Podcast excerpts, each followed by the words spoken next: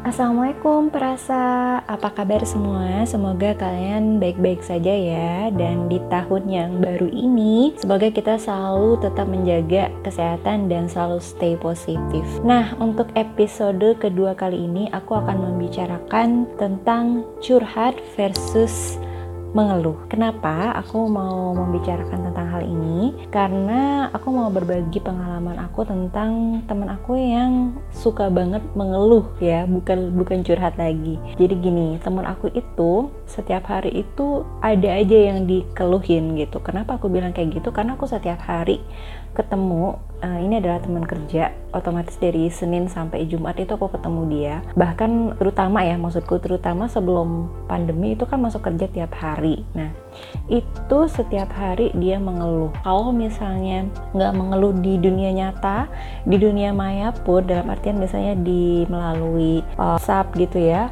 dia itu juga mengeluh gitu kenapa bilang mengeluh contohnya begini. Awal-awal itu dia itu bilang gitu ya katakanlah bilang.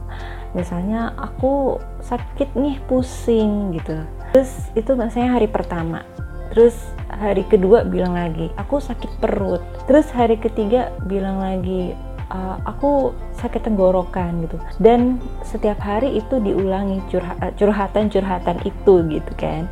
Nah setelah dia bilang seperti itu dengan segala macam penyakitnya atau misalnya dia ngeluh soal kerjaan gitu aduh aku nggak bisa nih ngerjain ini.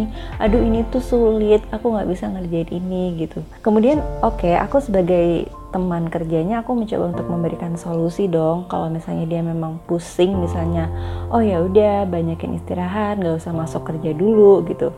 Atau kalau memang dia nggak bisa mengerjakan sesuatu mana yang nggak bisa dikerjain? Sini aku bantu gitu. Tetapi keesokannya tuh diulang lagi gitu loh. Nah kita kan sebagai orang yang dekat dengan teman kita itu kan pasti lama-lama merasa risih ya.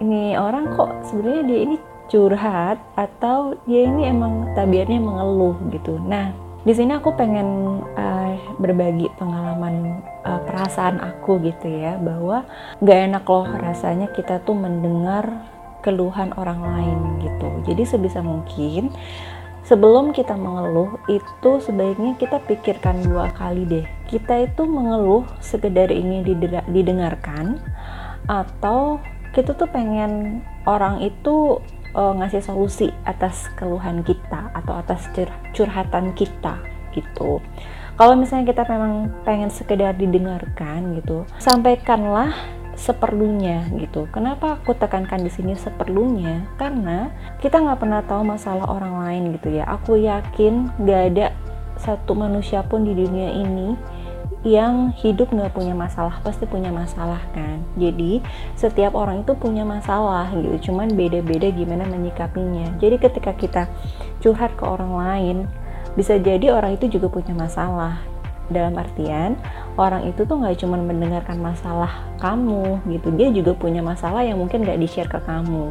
Kalau kamu setiap hari mendengar selalu menyampaikan curhatan-curhatan kamu yang notabene cuma ya buat ngeluh aja gitu.